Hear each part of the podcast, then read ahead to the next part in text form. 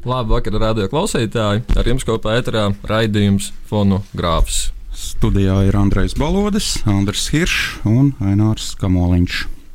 Uh, labs vakars jūs mājās, un šodien mēs dodamies uh, krokodilu medībās, vai atceramies mūsu vasaras ekspedīciju uz Dundagu, kur līdzās uh, atklājumiem par Ernstu Karpovicu, par ko mēs arī pavēstījām šajā rudens sezonā, uh, mēs pamanījām, ka vēl viens Dundagas ievērojams personāžs ir uh, prototyps krokodilam Dandijam.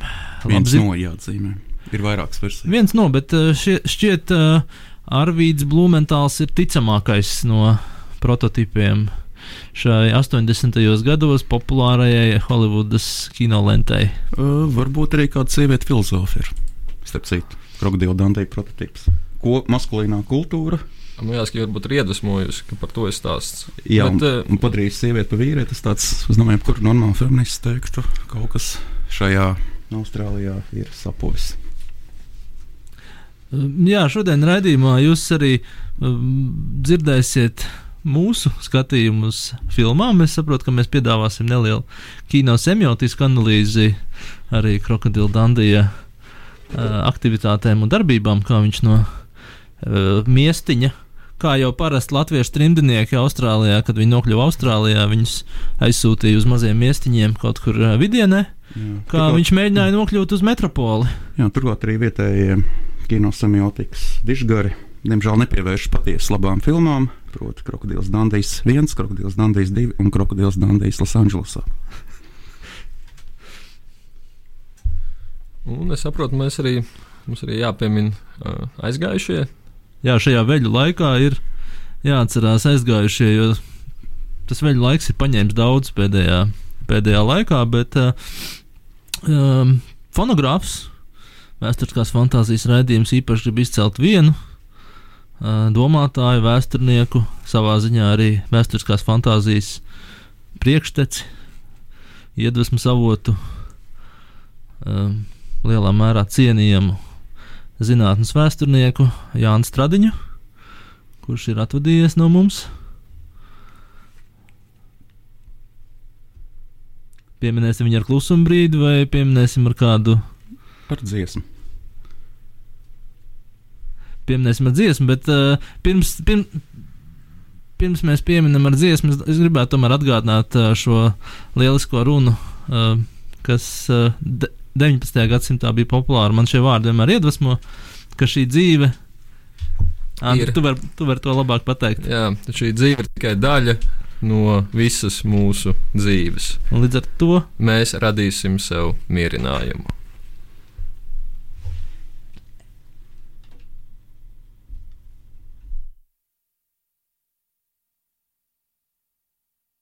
Radio monetoloģija. 33. paragrāfs ir arī divu veidu patiesības, proti, prātojuma patiesības un fakta patiesības. Prātojuma patiesības ir nepieciešamas un tām pretējais nav iespējams, bet fakta patiesības ir nejaušas, un tām pretējais ir iespējams. Kad kāda patiesība ir nepieciešama, tai var atrast pamatu. Analīzes ceļā sadalot to vienkāršākās idejās un patiesībās, līdz nonāk pie sākotnējām. Labāk ir radio klausītāji, mums atpakaļ ēterā raidījums fonogrāfs. Es saprotu, Ainēr, tev ir kaut kas, ko teikt uh, radio klausītājiem. Uh, nevis tas, nevis ko teikt, bet piedāvāt. Proti, uh, ja es pareizi saprotu, tad uh, mēs vēlamies uh, nelielu konkursu tiem, kas mūs dzird, un tiem, kas mūs klausās. Uh, ir atšķirība. Tīri tāda epidemioloģiska.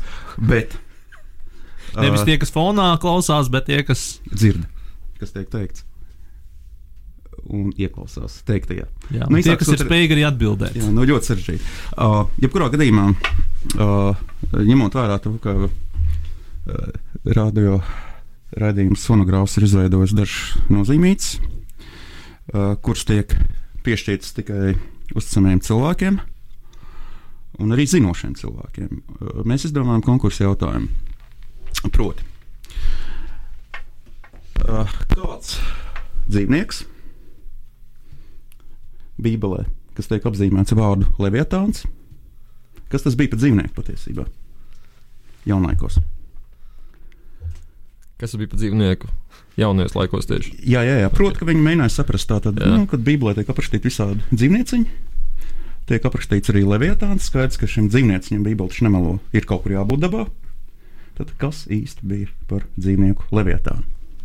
Labi, tu pieredzi droši vien būtu jānosauc telefons studijā, lai varētu piezvanīt mēģināt atbildēt šo jautājumu. Rakstīt arī uz e-pasta. Var Nu, var rakstīt uz Twitterī iemest atbildi vai Jā. citos mūsu sociālajos kontos. Jā, telefons studijā ir ā, 6703 4455, ā, Twitter konts, VF fonogrāfs.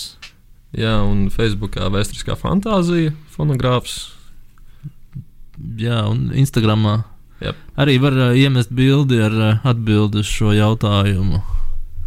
Bet tieši jaunlaikos, Anar, jo, jo es domāju, arī mūsdienās varētu domāt, kas mūsdienās ir Leviatāns. Nu, Boeings. Nezinu, kaut kāda līnija, nezinu, kaut kas tamlīdzīgs.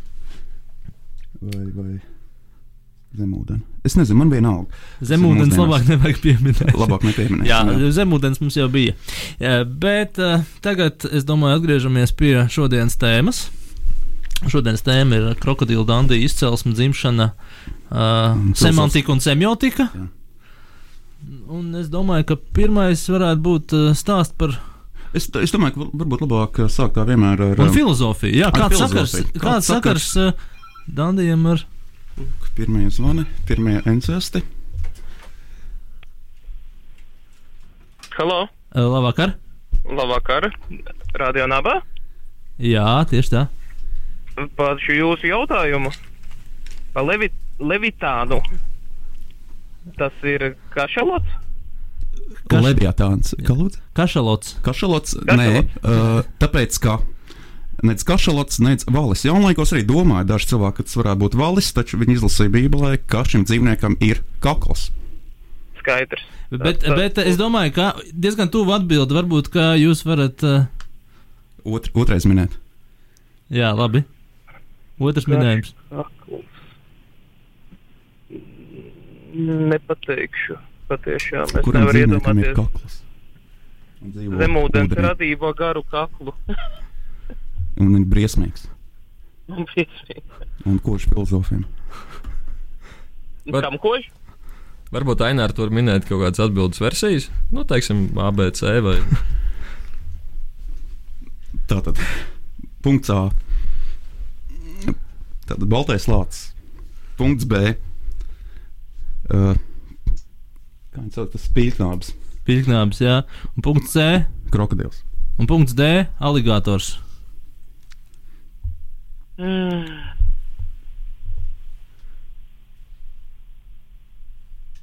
Nu, es da, tikai iedomāties krokodīlu. tieši Bet tā. viņam nav, bet Ir. viņam nav garš kakls. Garš nav, bet uh, jaunlaikos Bet redzams. ka pietiekami. Redzams, pietiekami, kakls. Uh, jā, apsveicu jūs, kā jūs dēvēt. Uldis, ja godīgi, tad pirmo reizi mūžā esmu sazvanījis radio. Lieliski. Un tieši mūsu raidījumu.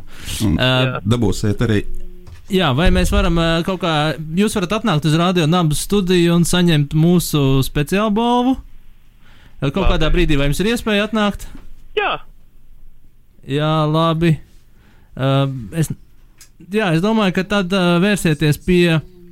Uh, varbūt, ja, ja gadījumā rodas problēmas, vērsieties pie mums, un mēs atstāsim jums balvu, bet principā mēs atstājam tā kā Uldis ir mūsu konkursu uzvarētājs. Paldies jums! Uh, turpināt klausīties uh, fonogrāfu. Bet Paldies mēs, liels. jā, mēs ejam atpakaļ pie.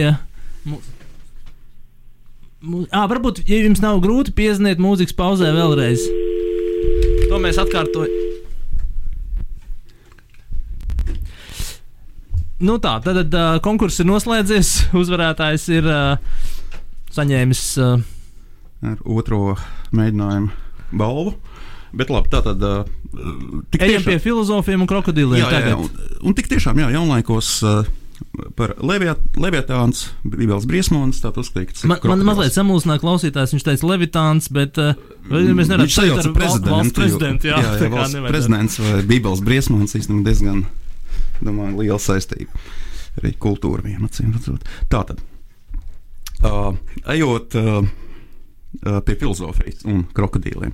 Proti, uh, mēs varētu ielikt slavu zālē vienu no izslākajām ekofeministēm 20. gadsimta valu plāmbudu. Varbūt mums ir jāpaskaidro arī mazliet, kas ir ekofeminisms, jo es arī godīgi atzīstos, ne līdz galam saprotu, kas ir ekofeminisms, Enār, vai tu vari vienā teikumā? Vienā teikumā, nu, ja vienā teikumā, Nu, vai tad, divos? Nu, nu, labi, mēģināšu vienā vai divos. Tātad, tu zini, kas ir feminisms. Tātad ir varas struktūras, kas piešķir dzimumiem noteikti veidu lomas, un tā attiecīgi feminisms cīnās par šīm varas struktūrām. Ja? Ekofeminisms savukārt uzskata, ka šāda veida domāšana vai šāda veida teiksim, pasaules struktūrēšana, kurā ir katram savs lomas, var tikt attiecināts ne, ne tikai uz cilvēku dzimumiem, bet arī piemēram uz dabas pasauli, kurā piemēram tiek uzstīts, ka cilvēks drīkst pārvaldīt pāri. Pieņemsim dabas pasauli un tā tālāk. Tas, ir, tas pavisam īsumā būtu ekofeminisms. Tātad viņas ņem noteikti veidu argumentāciju no feminisma, bet tātad ieliek to tādā plašākā kontekstā, Proti, kurā to skatīt. ir nepareizi aplūkot cilvēku kā pasaules kādu centru vai to Jā. hierarhisko virsotni, bet Jā. vajadzētu aplūkot viņu kā daļu no dzīvā. Tā, tā daļa no dabas, jā, tā, tā jau būtu šī dziļā ekoloģija, saucamā tā tālāk. Hmm. Nu, uz to pusi. Tad neiesim iekšā, neansēs, vienkārši viņam prasīja pārsteigumos, tad lai ir pārsteigumos. Tātad šī valda Lambuda, kā jau kārtīgi Austrāliete, 1985. gadā, tas ir būtisks gads, dodas uh, ar kanoē. Uh, Pa Austrālijas kaut kādām tur tām biežņām, lagūnām. Viņa tā kā viena pati dodas. Jā, viena pati. Jā, jā. Nu, izskatās, ka tur bija netālu kaut kāds rangers, un viņam laikam bija kaut kāda turisma, kaut kāds tur, kur drīkst papeldēt ar kanoju. Nu, Protams, ka šis rangers pabrīdināja viņu, ka tur un tur nevajag iet, jo tur būs tie krokodili un tā tālāk. Taču tā nu sanāca, ka vienā punktā viņi tomēr iepeldēja tajos ūdeņos, kurā ir šie krokodili. Uh, kas notiek? Bet Viņi tikai bija brīdināti, ka to Jā, nevajadzētu. viņi brīdināti, bet tur bija dažādas nejaušības. Brīdinātājs bija vienkārši tur- vīrietis vai, vai kur bija tā problēma? Nē, Kāpēc? tur, nebija, pro- tur vēl nebija problēmas. Bet, nu, īsāk sakot, viņai nepaveicās. Un tik tiešām viņa tā teikt, piepaši ierauga, viņai pretī peld krokodils. Un viņas kanāla tiek tā kā apgāzta. Un krokodils ieķerās viņai starp kājām un būtiski velk zem uh, ūdens. Nu, Protams, lai viņi tur noslīkst un tā teicīgi viņi varētu tā nedaudz apēst. Nu, Tā tas nenotiek. Viņi smā viņi viņi ievelk iekšā kaut kādā dalā un pūdē kādu laiku. Jā, jā, bet Un- pirms tam viņi ir pēc tā kā tam jāno- ēd. Bet pirms tam viņi ir jānoslīcina. Jā, jā, jā. Jā, jā, un viņš mēģināja viņu pavākt zem ūdens. Viņi pat speciāli tā kā, ka viņi brūk virsū, viņi mēģina pārāk uh, liels traumas neuztaisīt. Viņam galvenais ir to upuru nogalināt un tad ilgāk laika turēt. Jā, jā, lai lai viņš papuls, paliek nu, uh, jā, jā, būtu aromātisks. Un, tā. Jā, jā aromātisks filozofs. nu, jā, nesāks, ko tad uh, viņi kādu laiku cīnījās pret viņu. Tad tur viņi vienreiz ielāka, tad viņi tā kā, nu, izdodas viņu uzpeldēt augšā, jo krokodils izrādās nevar tā pārāk ilgi, laikam tur cīnīties, tur laikam viņam tur sirds un tā diezgan vāji un tā tālāk. Bet, nu, tad vienreiz, otro reizi, trešo reizi, uh, tad uh, viņa beigās tur tomēr kaut kā tur tiek ārā no turienes. Un tad uh, viņi tur pēc kādām 13 stundām tikai tur nokļūst, kur viņai vajag, un tā tālāk. Protams, tāds normāls izdzīvošanas stāsts. Taču, protams, kā jau kādreiz filozofs, no jebkuras bēdas var dabūt zināma veida mācību. Un uh, viņas mācība bija nu, relatīvi vienkārša. Proti, ka, uh, kad mēs iedomājamies par sevi, tad par sevi mēs domājam kā par šo saucamo narratīvo es. Narratīvais es, proti, nozīmē to, ka mums ir uh, noteikta veida. Teiksim, mēs paši sev struktūrējam noteiktā veidā, un mēs arī caur šo struktūrēšanu arī skatāmies uz pasauli. Ja mēs pieņemsim, iedomājamies, ka pasaulē ir jēga, ka pasaulē ir, nu, pieņemsim, ir kaut kāda nozīme tā tālāk. Un tad viņi saka, ka piepeši, piemēram, šajā nāves punktā, proti, vai arī tajā punktā, kurā tu sajūti, ka tu esi nevis medītājs, bet medījamais, tev šīs narratīvais es piepeši sāk brukt nost nedaudz. Proti, tajā nozīmē, ka pieprasa saprot, ka šai pasaulē būtu nav jēgas, proti, ka šai pasaulē ir citas perspektīvas, proti, nes, ka šai pasaulē neinteresē, tas dzīves vai neizdzīves. Tad, protams, ka ir pieprasa šī tad, tās palikušās struktūras kā cīnās par to visu. Proti, ka jā, ka tiešām tas nevar, tas nevar notikt ar mani, proti, joprojām tu cīnies pret šo, ka nu, pasaule ir bezjēdzīga un tā tālāk. Tas ir viens. Uh, otrs aspekts ir uh, tas, ka viņi vienkārši saka, pieprasa, ka otrs veids, kādā veidā tas narratīvs, narratīvais es tiek pārņemts, piemēram no mēdīņu puses, kurā viņi pēc tam uh, pieprasa piefiksē, ka Austrālijas mēdīņi pieprasa sāk rakstīt par viņu, nu, ka kā tas krokodils bija daudz lielāks. Protams, viņi sāk izmantot visas šīs metafāras, kurā ir tas dzīvnieks, kā varotājs, sieviete, kas ir pakļauta, kas knapi tur bēg un tā, tā, un tā tālāk. Un tad viņa savukārt apraksta, lūk, šajā 85. gadā. Tā tad, uh, principā, jau bija vairāk gadījumu, kurā pāris sievietes arī tika šādi nu, krokodili ķerts, un kuras ir izbēgušas, izdzīvojušas un tā tālāk. Un vēlāk, burtiski, tas tiek pārlikts, kā viņi raksta filmā, Krokodils Dandijs. Un, bet, bet, tā kā nu, tieši tas viņa stāsts, ko atspoguļoja stāsts, nu, viņa arī norāda, ka viņa stāsts jau nav unikāls, ka ir bijušas citas sievietes mm -hmm. un tā tālāk. Bet tas, ko viņa piemin, ir tas, ka uh, savukārt šajā krokodila Dandija filmā uh, tātad pirmkārt izdzīvo ne jau sieviete, izdzīvo, protams, vīrietis.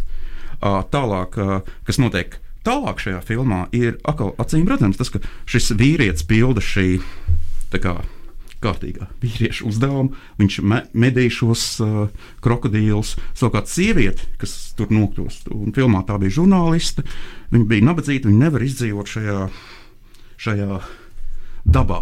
Nu, tā kā jā. mežonīgajā dabā. Jā, jā mežonīgajā dabā. Tad ir jāparādās vīrietim, kas spēj šo dabu pakļaut. Un tad, attiecīgi, sieviete pakļaujas šim vīrietim, kas spēj pakļaut dabu. Nu, tātad visas šīs klasiskās, tā teikt, hierarhiskās struktūras. Protams, tagad jau mēs pārējām pie semiotiskās analīzes, kur vietējie ģēniji mums īpaši nestāsta. Uh, ir tas, ka Kā tas ir vietējie ģēniji. Tajā nozīmē, ka vietējiem uh, semiotikas ģēnijiem vairāk interesē Bergmans, Tarkovskis, nu, viņš taisa. Tur neatradīsim, jā. Neatradīsim nopietnas analīzes par nopietnām filmām. Proti. Bet tā ir veca filma. Nu, var jau saprast, kinokritiķi, uh, protams, pievēršās klasikai, bet varbūt viņi nav ieskaitījuši krokodilu dandiju. Uh, kino klasikā vēl pagaidām. Jā, viņi uzvedās tieši tāpēc, ka uh, sievietes šajā maskulīnajā pasaulē, viņi pakļaujas citu viedokļiem, citu uzskatiem. Proti, ja kāds viņam saka, Bergmans labs, tad viņi arī saka, Bergmans labs. Uh, bet apakaļ pie Dandija. Bet man liekas, jā, ka uh, dažreiz filmu definē kadrs, vai ne? Un uh, Dandija filma, manuprāt, definē vismaz pirmo. Nu, tas kadrs ar, uh, ar bidē. Mūs, uh, kā fonogrāfu, protams, šis kadrs īpaši uzrunāja. Mēs viņu ielikām, uh, man šķiet, Twitterī, ja kāds ir blakus internetam, var apskatīties šis lieliskais kadrs, kurā krokodils Dandijs mēģina ap, apgūt uh, higiēnas uh, iekārtu, un viņam, viņam īsti tas neizdodas, jo viņš. Uh, Nesaprotu, kas ir, kas ir bidē. Un šis kadrs, manuprāt, ir lielisks. Jā, jā, jā, vispār bet, bet kino tas, klasikas cienīgs. Kadrs. Protams, protams, bet tas, jebkurā gadījumā, tas iekļaujas tajā klasiskajā šajā struktūrā, kurā šis mežonīgais vīrietis, kurš pakļauj sievietes, teikt, uh, iegūst viņas, ja vajag nokļūst izsmalcinātā pasaulē, kurā valda nevis brutāls spēks, bet gan dažādi veidi etiķetes normas, ka, protams, sievietēm jau ir etiķete būtiski, pieklājība un tam līdzīgas lietas. Bet, kā mēs redzam, Krokodils Dandijs nokļūstot Ņujorkā, viņš joprojām ar savu brutālo spēku, parādot savu nāzi, spēja pakļaut sievietes, spēja uh, visus melnos izdzīt no teikt, krogiem vai ielām. Mm, tā tad, principā, arī ir pilsētas džungļu pavēlnieks. Tātad maskulīnais, tātad, lai iesākumā viņš būtu uh, nespēja, teiksim, tik ātri adaptēties, beig beigās viņš tomēr pakļauj, pakļauj visu. Tas ir arī krokodila dandija vēstījums mums, rietumu Eiropas vājiem, vājiem vīriešiem, kuri, diemžēl, pakļaujas liberālisma ideoloģijai kas mums mēģina ieskaidrot. Nē, nu dabā mēs pie krokodiliem diez vai izdzīvotu. Nē, mēs ar citu izdzīvojām. Mēs mazliet dundagā. Jā, pie dundagā. mazajiem krokodiliem mēs izdzīvojām. Pie mazajiem krokodiliem, pie betona krokodiliem mēs arī izdzīvojām. Tā kā mums ir cerība. Bet man šķiet, ka, protams, feminists var kritizēt krokodilu Dandiju filmu, bet eh, cik es atceros, eh, ka tomēr arī šī viņa uh, sirdsdāma, ka viņa kaut kā atgriezās atpakaļ Austrālijā un viņa viņa varēja iejusties arī tajā dabas pasaulē. Tā kā sanāca tāda tā kā sintēze. Dandijs varēja iejusties pilsētā, un šī sieviete saprata, ka tajā dabā arī viņa var iejusties. Tad viņi pavadīja kādu laiku šajā jā, jā. slavenajā krokodila Dandija Ligsdā, varbūt, ko mēs arī pieminēsim mazliet vēlāk. Nu, tas ir tāds, tāds interesants krokodila Dandija dialektisms, tā mēs varētu teikt, kas mums tā teikt, par ko mēs varbūt vēlāk arī atkal parunāsim. Jā, bet es domāju, ir pienācis laiks dziesmai, un šobrīd, lai skan uh, visiem padomju bērniem pazīstams melodijas uh, Par krokodīliem. par krokodīliem un uh, par bērnību. Bērnībā krokodils nemaz nebija tik briesmīgs, laikam. Ja? Spēlēja uz akordeona. krokodīli nebija briesmīgi. Jā, Ir kāpēc? kāpēc? Ir briesmīgi. kāda versija, kāpēc padomu krokodili nebija briesmīgi? Tāpēc, ka viņi bija tālu. Jā. Labvakar! Labvakar. Uh, atpakaļ ēterā redzams fonogrāfs, un mēs noklausīsimies nelielu ierakstu. Jā, es domāju, nokla- noklausīsimies ierakstu no Dundagas, kurā mēs apcerējām krokodilu Dandiju dzimšanu. Labvakar, darbie radioklausītāji! Mēs šobrīd esam pie Dundagas pilsētas, un mēs uh, dzirdam skaņas, uh, kuras ir dzirdējis arī viens ļoti slavens Dundagas iedzīvotājs. Dunkas pilsonis. Un tas ir uh, slavenais krokodils Dandijs, kuram par godu ir uzstādīts šeit akmens. Vai ne, Andri? Jā, jā kā, kā liecināja šī ilga, kuru mēs pamanījām pilsētā šodien. Jā. Un uh, šeit skan, uh, šeit skan uh, vārds koris, kura pavadījumā krokodils Dandijs dzima. Protams, vē- vēsturē fantāzija. Jā, vē- tā nozīmē, ka viņš devās uz Austrāliju. Nu, ir arī tāda lieta, ka krokodils kurs. Bet viņš jau bija sagatavojies, tāpēc ka viņš dzīvojot šeit, Dundagā. Dundagā, jā, jā, viņš bija sagatavojies. Krokodils Dandijs, protams, nāk no tā krokodila Dundagas momenta, bet uh, ne, to mēs arī zinājām. Mēs to zinājām. Es domāju, tas jāpasaka tautai. Tas, tas nav pārsteigums, jā, vai ne? Jā. Dandijs Dandijs ir krokodils. Vienkārši Austrālijā bija grūti laikam. Nē, nu skaidrs, vien, tas, tas bija viens no latviešu trimdniekiem, un mūsu uzdevums ir atklāt, uh, kurš tieši tas bija.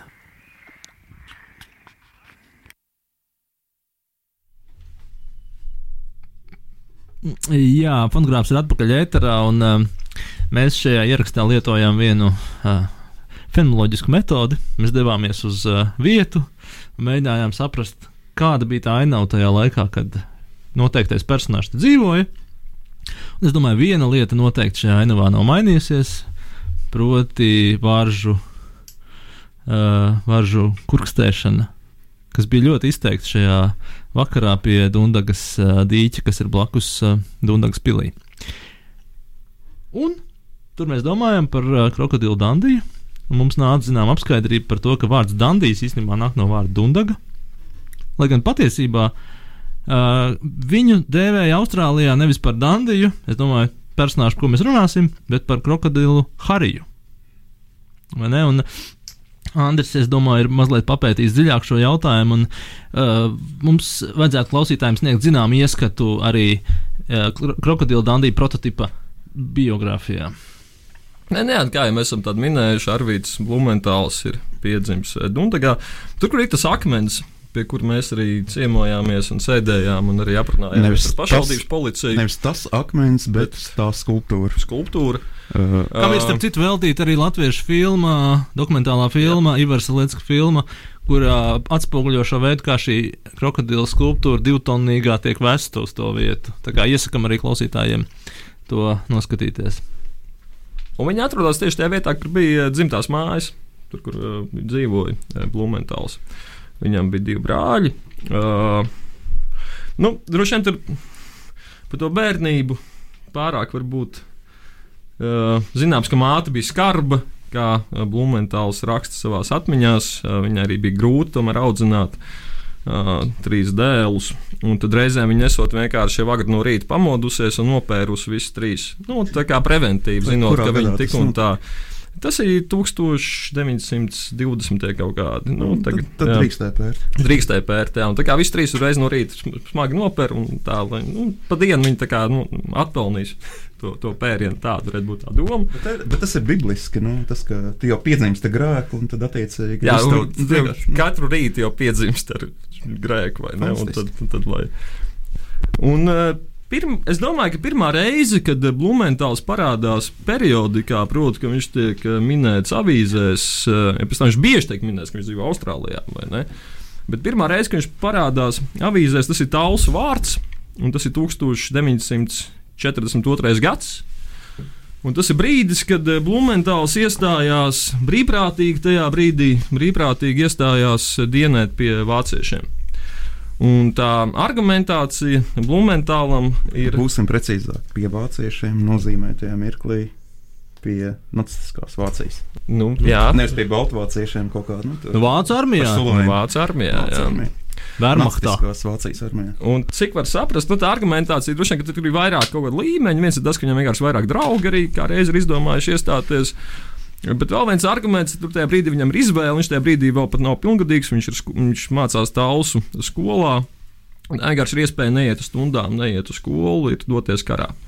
Tajā brīdī, kad viņam jāizšķirās, vai viņš labāk sēž zīmēšanas stundā vai iet karā, iet uz fronti, tad uh, Arvīds Blumentāls izvēlās iet uz fronti. Tiešām zīmēšanas stundā.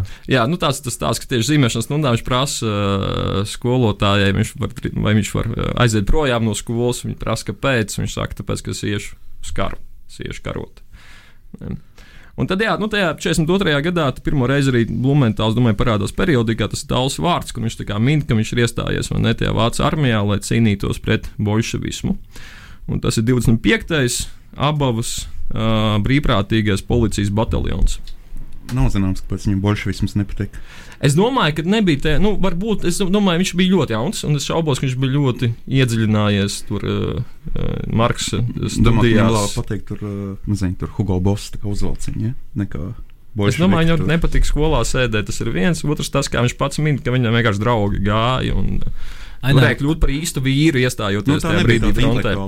Ainēr, vai tu neatceries tomēr, Šaubos. ka Dundaga bija kādreiz revolucionāra vieta? un Iespēj... Tā bija racionāla. Nu, tak tieši tāpēc arī es jautāju. Jā, bet iespējams, ka ne, nebija tā, ka visi Dundagas iedzīvotāji atbalstīja aktivitātes, kas notika revolucionārajā Dundagā un pēc tam. Vai arī tur bija kaut kāds tāds oidipāls komplekss, proti, mans tēvs tā teikt bija Rolcinārās Dundagas viens no dalībniekiem, un tad es kā dēls tā teikt, nu, gonāšu savu Jā, nu, tēvu tas ir ļoti, protams, sarežģīts stāsts, bet uh, varbūt, ka bija arī tā. Un Un tad, varbūt, ka viņa tēvs bija Karpavits. nu, o, e, e, tas ir pārliecināts, man, man liekas, mazliet ņās, bet, uh, jaunais- tāds jaunais bija, Karpavits. Es sēdēju pie Dundagas dīķa, es domāju, ka Janu Karpavits bija viņa tēvs, un tad tas ir izskaidro vienkārši sacelies pret savu tēvu. Dodies uz Nacisko Vāciju, kāpēc Karpavits cīnās par komunismu. Nu, Jā, nu gan tiesa tur iznāk, ka Blumentāls gluži tajā brīdī vēl uz Vāciju nedodas. Viņš dodas uz Baltkrievijas un Ukraiņas teritoriju. Kas tur īsti notiek? eh, Blumentāls arī savos memoāros, vismaz cik es lasīju, neko daudz, neko daudz mums eh, nestāsta. Nu, Krievija propaganda mums daudz stāsta par to, Bet, bet, ko eh, Latvijas viņš- policijas bataljona darīja tajā Bet teritorijā. tas oficiālais bet, eh, stāsts ir, ka viņi vajā, nu, restīvi vajā vai ķer partizānus, tvarsta partizānus, kuri atrodas vācu aizmugurē. Jā, jā. Tas ir tas, ko viņi. Es, starp citu, atradu interesantu uh, uh, piezīmi, kas saslēdzās ar arī mūsu tēmu un uh, tām mūsu lietām, ko mēs atklājām. Proti, ka šo vienību sauc par zaļajiem vēlniem. Tu arī to pamanīji. jā, bet es domāju, ir kāds laikam, izskaidrojums, kā, Bet laikam ne, to, ne tikai to 25. apgabals bataljonu, bet vispār. Es saprotu, ka Latviešu policijas bataljons, kas tajā laikā cīnījās pret uh, partizāņiem, viņa bija, bija tā iesauka, jā, zaļie vēlni. Es domāju, tāpēc, ka viņi tā kā droši vien kad veiksmīgi uh, apšāva vai tika galā ar Baltkrievijas un Ukraiņas Tas izskaidro, tas izskaidro vēlnu daļu. Jā. Bet zaļi, nu, Tāpēc, ka mežos, nu, tādā ziņā. Ah, es domāju, Partizāņi pa mežiem vairāk dzīvoja. dzīvojās. Bija, nu, es zinu, aplapuši ar sūnām. Vai ir vardēm? Iztajās kā vārds, jā, un tur Jā. Nu, tā arī varēja būt versija. Jā. mēs normāli to ejam, tur kurkst kāds izrādās ir vienkārši blūmentāls, kas to grib nogalināt mežā. Nu, traki, nu. Un tad eh, 44. gadā, es domāju, viņš tajā policijas bataljonā jau ilgi nepavadīja. Tas ir apmēram viens gads, plus mīnus. Tam viņš tiek izveidot 15. divīzijas, es, nu, latviešu, tam viņš iestājās tajā. Un tam viņš uh, cīnās 15. divīzijas uh, ierindā. Viņu savainoja, viņš, īstenībā viņš diezgan bieži tiek savainots. Viņi kopā tajā visā tajā viņa kara gaitās viņu savaino četras reizes, ja ne vairāk. Un viņa frontes kolēģiem ir joks, tikko kaut kur izskan kaut kāds šāviens, tā viņi viens otram saka, laikam atkal sašāva Blumentālu. Un tad viņš ir Jēlgavas slimnīcā kaut kādu periodu. Tad viņš uh, patvaļīgi pamet Jēlgavas slimnīcu un dodas apciemot dzimto pusi, kas laikam ir arī pēdējā reize, kad viņš ierauga savus uh, vecākus. Pēc tam Tas ir ap kuru gadu? tas ir jau kaut kāds 44. gads, otrā puse. Vecāks tas nozīmē, ka tēvs arī tur uz vietas ir. Tas izslēdz versiju par uh, kā- oficiālais tēvs nenozīmē bioloģiskais tēvs. Nu, Jā, Karpovics ir bioloģiskais tēvs. labi. Karpovics ir bioloģiskais tēvs. Tur neko nepadarīs. Ne? Jā. Un tad viņi tagad tiek uh, pārvest no Latvijas teritorijas ar kuģiem uz, uz, uz Poliju, kur tā tad uh, viņš turpina cīnīties kā leģionārs. Tad viņš atkal tiek ie- savainots klasiski Blumentālam. Tad viņš nonāk slimnīcā, Polijā. Un tur viņš arī sagaida to brīdi, kad uh, nāk iekšā krievi. Un principā viņš uh, iekļūst jau, nu, nokļūst krievu teritorijā, guļot šajā slimnīcā. Tad viņš saprot, ka tas, kas viņam spīd, uh, ir tas, ka viņš būs krievu kara gūsteknis. Protams, viņš to negrib. Un tas, ko viņš dara, būdams joprojām diezgan smagi savainots ar vairākiem draugiem, viņš izmūk ārā no šīs slimnīcas un mēģina gan arī vai burtiski aizrāpot līdz amerikāņu zonai. Kas viņam arī starp citu izdodas? Viņš tiek savienots pa ceļam. Viņš kārtējo reizi. Nē, nē, nē, viņš netika, bet tur viņam bija zināma problēma. Proti, tie amerikāņi sākotnēji negribēja viņu ņemt. Nu, tur gan aizņemt situāciju, tur kaut kāda savainoto tur ņemties. Un, un tam viņš, ko viņš dara, viņš sagaida, ka brauc garām, garām Nevis vienkārši sarkanā krusta mašīna, un uh, viņš apguļās ceļa priekšā. Un tad uh, sarkanais krusts viņu savāc, tad viņš ir amerikāņu gūstā, slimnīcā. Un arī tajā brīdī viņš saprot, ka viņš negrib būt amerikāņu gūstā. Kā kara gūsteknis, un mēģina vairākas reizes aizmukt. Kaut kādas četras reizes Blumentāls neveiksmīgi mēģina aizlaisties no amerikāņu gūsta. Galu galā tas viņam izdodas. Proti, viņš izliekās par civiliedzīvotāju, uh, iestājās lauksaimniecības uh, kaut kādā skolā, piestrādā, palīdzot lauksaimniekiem. Un 1951. gadā viņš aizbrauca uz Austrāliju. Un tur jau aizsākās jā, nu šis uh, zināmais stāsts par uh, krokodilu Nu. Austrālijā nebija karš, bet viņš joprojām bija savienots. Ja. Tas īstenībā ir Ne, fantastiski. Es domāju, šis ir klasiskais, šī ir tā klasiskā um, nezinu, arhetips, kurā vajātais kļūst par vajātāju. Proti, viņš tika vajāts kara laikā, tika savainots, bēga no dažādām slimnīcām. Nu, jā, Un tad, tad viņš uh, izdomā, ka viņš savā ziņā kļūs par šo uh, mednieku. Nē, kas ir. Jā, un, uh, kas ir interesanti, tad uh, jau šī pieminētā filozofa savukārt gāja pilnīgi pretēji ceļi. Ja? No vajātāja uz vajājamo. Es domāju, ka viņi ir viens otru vērti. Bet Blumentālam arī, teiksim, tajā um, Austrālijā viņam, viņam, viņš piestrādā dažādās nozarēs. Tam viņš meklē opālu, tad viņš tur vēl kaut ko darās. Un, ja, krokodils sākotnēji pamatā vienkārši šauj. Viņš vajā arī sievietes. Uh, bet Jā, ir tāda epizode. Jā. Ja Tu vēlēsies izstāstīt, Andrej, to epizodi? Man šķiet, ka to mazliet vajadzētu atlikt uh, uz pēdējo raidījumu daļu. Ah, iespējams, ka, iespējams, ka mums ir vajadzīga varbūt uh, neliela muzikāla pauze. Jā, jā. Un uh, pirms muzikālās pauzes uh, noklausīsimies mūsu versiju par to, kāpēc Krokodils Dandijs uh, vēlējās kļūt par vajātāju. Varbūt bija kādi citi faktori šajā procesā. À, melnā ideja numurs 6. Proti, pētījuma objekts ir krokodila dandija, bērnība Un izcelsme. un izcelsme. Kāpēc viņiem radās interese par krokodiliem? Jo patiesībā interese bija bērnībā par vardēm. Jā, viss sākās pie šī ezera, kur Krustdienas Dandijs pirmo reizi satika geju vārdas. Un viņš sāka cīnīties. Un pēc tam jau, protams, ne, viņš nebija homofobs. Vienkārši geju vārds bija ļoti agresīvs. Jo nu, tā nav homofobija, ja tu sev aizstāvi. Nu, lūk, un tad uh, kopš tā laika saskaņā ar, protams, ir Džona Loka un tā tālāk, ir asociācijas princips, ideja asociācija. Viņš nokļuva Austrālijā, kurā atkal ieraudzīja zaļus zvērus, kas ir ūdenī. Un, Jā, skaidrs, ka tu esi, kad esi maziņš, tev liekas, tas maziņās lietas ir liels. Jā. Viņam likās, ka viņš bija maziņš, viņš likās tās vārdas liels. krokodīla izmērā. Jā. Viņš neredzēja faktiski nekādu atšķirību starp vardēm un krokodiliem. Jā. Domāju, šo mīklu mēs esam atrisinājuši. labvakar jūs mājās. Raidījums fonogrāfs atgriežas uz pēdējo cēlienu. Man burtiski varbūt divas piebildes par Dandiju. Un, un, Par Dandiju un- un dzīvi, dzīvi Austrālijā Un un nāvi. ar Citu, tā kā mēs to tēmu aizkārām. Jā, Nav tā, ka uh, Blumentālam vārdiem nebūtu bijusi nekāda saistība. Viens bija aspekts, ka viņš kaut kādā brīdī piepelnījās. Viņš ķēra vārtus un pārdeva viņus priekš uh, nu, kaut kādām īpašām ēdnīcām. Droši vien īpaši smalkās vārtus tās bija, vai ne? Tas ir viens stāsts. Francūžiem. T- Es, diemžēl, tik precīzi es, es neatradu to informāciju, bet garām ejot bija minēts, ka tas bija viens veids, kā viņš piepelnījās dzīvojot Austrālijā. Viņš varbūt pārdeva Paulim Revičam. Kā, viņš bija franču kultūras cienītājs, nu, viņam pietrūka varžu kājiņas. eh, Es saprotu, kā tur sanāk. Pa- Pauls Jurēvičs bija vienā laikā Austrālijā ar Blumentālu, vai tur tie gadi Nu, viņi ieradās, ieradās viņa vienā laikā. Sāksim ar to, kas ir Pauls Rēvičs, kurā Jā. gadā Pauls Rēvičs nokļūst no Latvijas tur. Pauls Revičs ir uh, latviešu brīvās filozofs, viens no ievērojamākajiem latviešu filozofiem. Un, uh, viņš arī ir Latvijas universitātes profesors. Un 44. gadā viņš evakuējās no Latvijas uz Vāciju.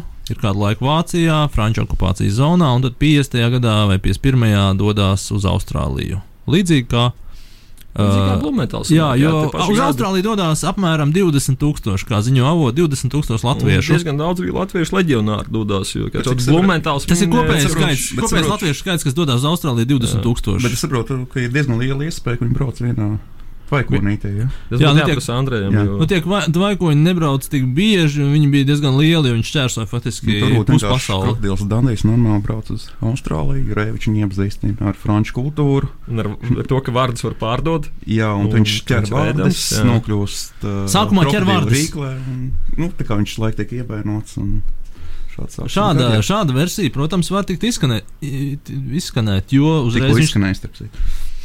Uh, nu jā, bet turpinot par Austrālijas Jā. gaitām. Burtiski vēl viens aspekts, eh, Blumentāls viņam ir memoāri, vai ne? Šos memo, memoāros viņš min, ka ir citas vietās, kur, kur ir ļoti sauss un kur nav ko padzerties.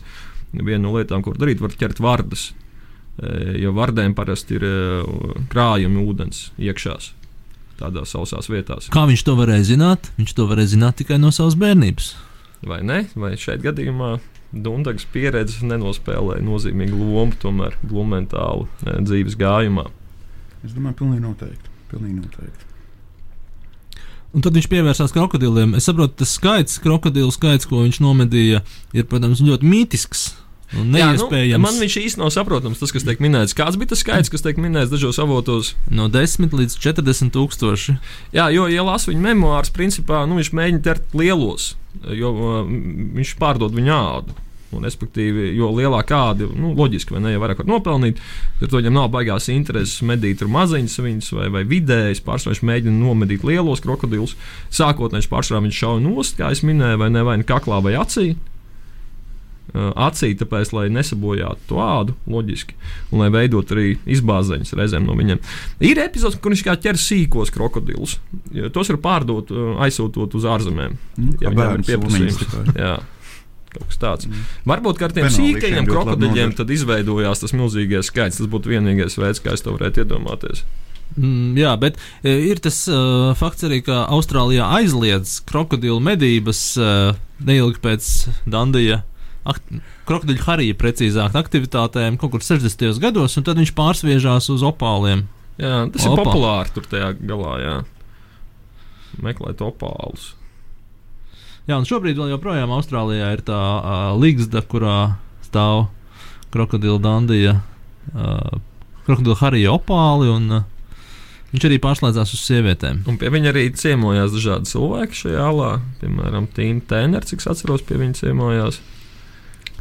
Pirms medmaks. tā kā- Nē, tieši Medmaks. Tieši, tieši tajā Jā. laikā. Jā, Un, cik es saprotu, Medmaksā ir viena ep epizode tieši nu, ļoti īsa ar šo alu līgstu. Nopietni. Jā. Ah, Jā.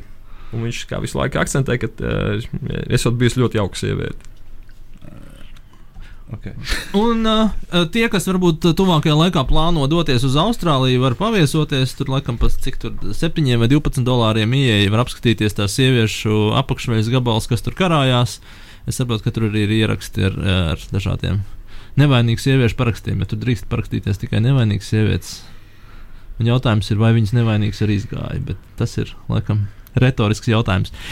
Bet vēl viena lieta, ko fonogrāfs izdarīja mm, šodien raidījuma sakarā, mēs mēģinājām saprast, vai Austrālijā ir kādi, kāds vērtējums vai zināšanas par krokodilu Dandiju un, un Arvīda Blumentāla personu, un ko viņi domā par to. Varbūt noklausāmies.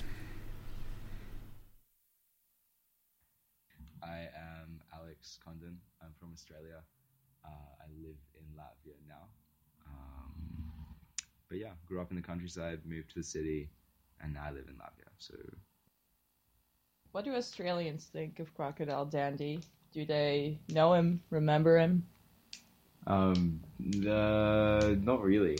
I mean, I didn't really know about. Um, yeah, I didn't really know about the actual history of Crocodile Dundee apart from like watching the movies um, until I came to Latvia. So like I, I got that he's like an actual like real person, but I had no idea he came from Latvia. So like I don't know what I remembered of him was just, uh, you know, like a Hollywood movie where he's wrestling crocodiles and taming buffaloes. And, um, so yeah, I guess remembered as being an icon, but not like the actual, the actual Dundee.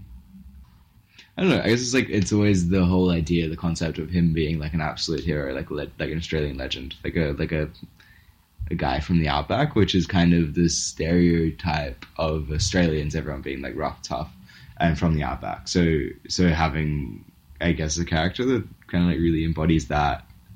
Yeah, I don't know. I guess people like look up to him almost as like a stereotypical Australian. Yeah, yeah. Who's actually a Latvian? He's actually a Latvian. Yeah but like I don't know, like a lot of people where I grew up, it was like in the countryside, and a lot of my friends were farmers or like they would, you know, yeah, they lived on farms and they hunted pigs, um, and went like camping out in the bush, and they would, know, like that's like pretty standard for like where I grew up. Um, but yeah, that was always the idea of being the crocodile Dundee and and um, you know hunting crocodiles. or Like I don't know, guess he was kind of like a weird inspiration when you were younger? Is it like a well known fact in Australia or not at all that he's from Latvia? I wouldn't say at all. Right. Like, definitely none of my friends or no one that I like talked about it. Um, yeah, yeah, as I said, yeah. The only time that I figured out about it was when I came to Latvia, which was so strange, but no, it's cool. Do you use bidets in Australia? No. Not at all? I think I've no, yeah, definitely not. I don't. Yeah, I've never used one in Australia. Oh, yeah. Actually, I worked at a Radisson hotel in in Melbourne for two years, and in their penthouse suites they had they had bidets there. But like I always didn't really use them because I'm working staff, so you're going in like giving people room service, and then you can. Oh, yes, but not no. Yes, but no. So pretty much just like in the scene in Crocodile Dundee where he goes in that fancy hotel room and tries to figure out how to use the bidet, right? Wasn't that in um, New York or something, right? That scene? Still a penthouse hotel yeah. room. um, yeah, it's only really, um, yeah, it's not normal in Australia. Definitely not. Third question. Uh, why weren't ACDC invited to perform in the Olympics in Australia? I don't fucking know. I didn't listen to their music. I don't like their music really. I don't know. I always forget they are Australian. I don't know. I don't know. I don't know. None of their music seems like very. Yeah, I have no idea actually. I don't know. It just seems like another classic rock band. Uh, jā, tātad uh, tas, ko tikko dzirdējām, tas bija Aleks no Austrālijas, kurš šobrīd dzīvo Latvijā jau pāris mēnešus. Un, uh, jautājumi viņam bija par krokodilu Dandiju un par uh, filmu un uh, pieredzi ar to visu. Un jā, viņš atzīst, ka, protams, šis krokodilu Dandija tēls ir viņa kultūrā, bet viņš nāk tieši no Hollywoodas filmas un zināšanas par tādu kā latvieti. Vai ka viņš ir nācis no Latvijas vai kā citādi saistīts par to, nevienam vietējam, cik viņam zināms, nav. Uh, Bet kultūrā viņš ir kā tāds ikonisks tēls, elks, uz ko tiekties austrāliešu jauniešiem. Uh, par bidē viņš arī komentēja, ka tie ir viesnīcās, numuriņos penthausa, kā tas arī bija redzams Krokodila Dandija filmā, uh, bet, diemžēl, filmā tas bija Ņujorkas viesnīcā. Un par ACDC jautājums arī tika uzdots no raidījuma fonogrāfs puses, un uz to Aleks diemžēl nevarēja atbildēt, jo nav ACDC fans, bet mēs ar viņu pēc tam arī pēc intervijas runājām. Un nonācām pie secinājuma, ka tas noteikti tāpēc, ka ACDC ir tāda globāla grupa un nav pat īsti tāds kaut kāds austrāliešu. Protams, zinu, ka tie ir austrālieši, bet viņi nav tādi baigie. Tīri tipiski tikai austrālieši. nu, es saprotu, Ainēr, tas jautājums bija tāpēc, ka Man bija bērnības trauma. Es skatījos Olimpisko uh, ceremoniju, kurā Dandijs braukāja apkārt pa to uh, uh, Olimpisko stadionu. Tur apkārt. Tā kā atklāšanas, atklāšanas ceremonijā. Jā, atklāšanas ceremonijā. Kurā pusē tas bija Austrālijā? Sidnē, man liekas. Sidnē vai? Jā, jā, jā Sidnē, Sidnē. Sidnē. O, un savukārt es gadīju, nu tad jāparādās ACDC, nu galā. Nu. Principā Austrālija ir. Uh, emigrantu zeme. Protams, ka ACDC principā nāk no Skotijas, bet viņi tomēr arī ir emigranti un tā tālāk. Tā tālāk. Man liekas, ka mēs savējos parādīsim Google, vai tad mēs nerādīsim prātu vētru. Ja? Pat ja, Es pat, ja patīk uh, viņi Krievijā. Ja? Jā, ka viņi pārdevušies. Jā, jā. Nu, Kaupers mums te, mūsu Olimpiskajā stadionā Daugavas braukās tur papakaļ. Tā kā tāds, tāds lācīts Olimpiskais. Nu, bet viņi parādīja, parādīja, kā es saprotu, krokodilu dandiju. Dandiju viņi parādīja. Nu, redz, ACDC vai ne? neparādīja. redz. Netieši viņi parādīja latviešu, Latviju, jā, latviešu vai un, un vācu armijas soldātus. Tā kā to viņi varbūt nezināja. Bet, Bijušos leģionārus. Jā. jā, tieši tā. Bet uh, es domāju, raidījuma noslēgumā mēs jau tuvojamies noslēgumam. Tuvojās svētku, svētku laiks un svētku sezona. Un uh, fon radījums fonogrāfs un uh, iesaka klausītājiem šajā svētku sezonā atpūsties, baudīt dzīvi, saņemt dāvanas, svinēt Ziemassvētkus, ko mēs, starp citu, darīsim nākamreiz. Iesakām saņemt dāvanas. Iesakām saņemt dāvanas un arī sagādāt dāvanas pašiem sev. Un uh, svētku sezona nevar pastāvēt arī bez uh, laba kokteļa. Un uh, šis kokteilis uh, nāk no Dunkas pieredzes, kur mēs nakšņojām Dunkas pilī, gulējām blakus zaļās jumpravas apartamentiem, un šajā laikā mēs izveidojām kokteili, kas saucās uh, Zaļā jumprava. Viņš ļoti vienkārši to var pagatavot pat bērns. Proti, paņemiet ledu, paņemiet ledu, uh, kādu stipro balto uh, dzērienu, uh, zaļu limonādi, vēlams tarhu, un principā tas nav obligāti. Man ar citu prātā nenāks, vai būt nu, zaļā krāsā, bet nu, visticamāk, tarhūnā. Uh, jā, un uh, piemetiet kaut ko skābumam. Uh, me, oriģinālajā receptē ir sīpols vai ķiploks, jo zaļā jumprā principā ir ragana, un jums vajag aiz- aizbiedēt raganas šajā Ziemassvētku laikā. Ar sevi elpu. Uh, jā, bet jūs varat arī piešaut, protams, citronu. Un, un bīstams vārds. Un tad, kad jūs lietojat zaļo jumprā, lietojiet lūdzu to atbildīgi. Un šodien mēs uh, atvadāmies, uh, tiksimies Ziemassvētku raidījumā, kur es ceru, mums ir uh, arī Jēzus un Dievs rādīs ceļu. Bet tagad atvadāmies ar uh, uh, Austrāliešu. ACDC mazliet uh, ne viņu balsīs, bet viņu melodiskā